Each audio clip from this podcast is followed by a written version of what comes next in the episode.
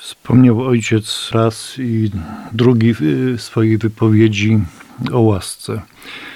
Spotkałem się z takim określeniem, czytałem gdzieś, że łaska jest wlana, że w każdym człowieku jest pewna doza łaski już istniejącej, przygotowanej przez Pana Boga, po którą człowiek musi wyrazić chęć sięgnięcia. Tylko to sięgnięcie nie jest oczywiście dla niego możliwe, znowu bez łaski Pana Boga. Jednak y, oznacza to, że musimy podjąć jakiś wysiłek, jakiś trud, ponieważ to jest początek naszej drogi do zbawienia. Czegoś, o co powinniśmy zabiegać, co jest absolutnie najważniejsze w naszym życiu, jest celem naszego życia. Jeżeli myślimy, że mamy inne cele, to jesteśmy w błędzie. Mogą być cele główne i cele poboczne, które mogą być realizowane przy okazji, ale nie zastępując celu głównego.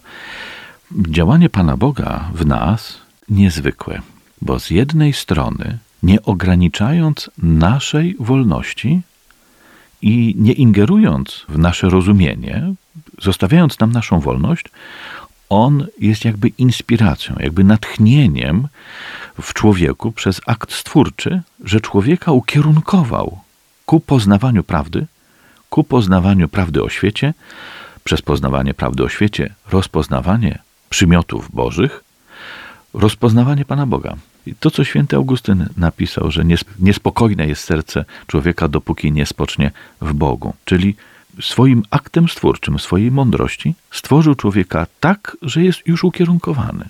Ale nie zmienia to faktu, że jest człowiek wolny. Pan Bóg daje mu natchnienia, czy też pociąga go ku sobie prawdą, dobrem, pięknem, pociąga ku sobie i też udziela mu łaski uczynkowej, aktualnej, żeby współpracując z tą łaską podejmował trud pracy nad sobą, odpowiedzi na to Boże wezwanie, żeby wzrastał w dojrzałości duchowej, tej zdolności przyjęcia Bożego życia do siebie, w siebie, prawda, Boga. Każdy człowiek. Przed nikim to nie jest zamknięte. Każdy człowiek y, ma dostęp do Boga. Do każdego człowieka Pan Bóg ma dostęp. Nikogo nie pomija. Pan Bóg jest hojny. Refleksja na temat naszych rozważań o rozwoju życiu duchowym. Mógłbym powiedzieć, że chciałbym, chciałbym w sobie takie utrzymać. Zacząłem może myśleć troszeczkę głębiej na ten temat, żeby utrzymać taki ciąg w sobie, żeby ten temat przemyśleć, przepracować wraz z łaską Bożą, żeby to życie, życie duchowe, ta refleksja pogłębiała się, żeby to tak był ten ciąg wewnętrzny do współpracy z łaską Bożą, żeby się we mnie rozwijało życie duchowe. Pragnienie nieustannego wzrastania ze wszech miar jest pragnieniem dobrym, słusznym. Praktyka wygląda nieco inaczej, e, ponieważ nie ma takiego wzrostu liniowego. Raczej jest zauważalny wzrost skokowy, że jesteśmy na jakimś etapie i wydaje się, że się w ogóle nie poruszamy, że się nic nie dzieje. Ale wytrwać na tym stopniu, być statecznym, nie cofać się, nie panikować, to przygotowywać się na przyjęcie kolejnej łaski. Łakomstwo na rozwój duchowy ma być powściągnięte, bo jak Faber uczy w kolejnych tam rozdziałach, potrzeba spokojnego wzrostu, spokojnego trwania, bez pośpiechu, bez gorączki bo w ten sposób będzie wyrażała się nasza ufność do Pana Boga, że to On jest głównym działającym w nas, a my tylko współpracujemy.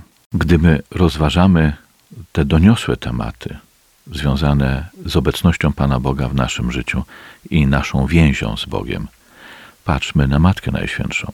Ona Panu Bogu się powierzyła. zaufała i na Bogu się nie zawiodła. Niech ona nas prowadzi w tych pragnieniach i tęsknotach życia duchowego, które Panu Bogu podobać się będzie.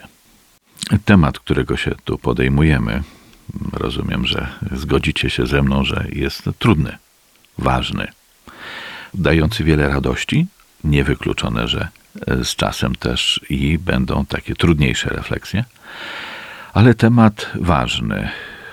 I za, nazwijmy go takim hasłem wywoławczym, że jeżeli ktoś ze słuchaczy będzie chciał zajrzeć na stronę Radia Fara i do tego cyklu naszych spotkań, które mam nadzieję, że no, tak na raz na miesiąc się po, uda zrealizować, że takim hasłem wywoławczym to będzie zróbmy mu miejsce. Niech te słowa będą wyrazem treści, które rozważamy, zachętą do tego, żeby podejmować działania związane z życiem duchowym i z, z nadzieją, że, że Pan do nas przyjdzie i znajdzie u nas dla siebie miejsce. Serdecznie dziękuję uczestnikom naszej rozmowy i serdecznie dziękuję słuchaczom Radia Fara za czas z nami spędzony i życzymy Bożego błogosławieństwa. Niech będzie pochwalony Jezus Chrystus.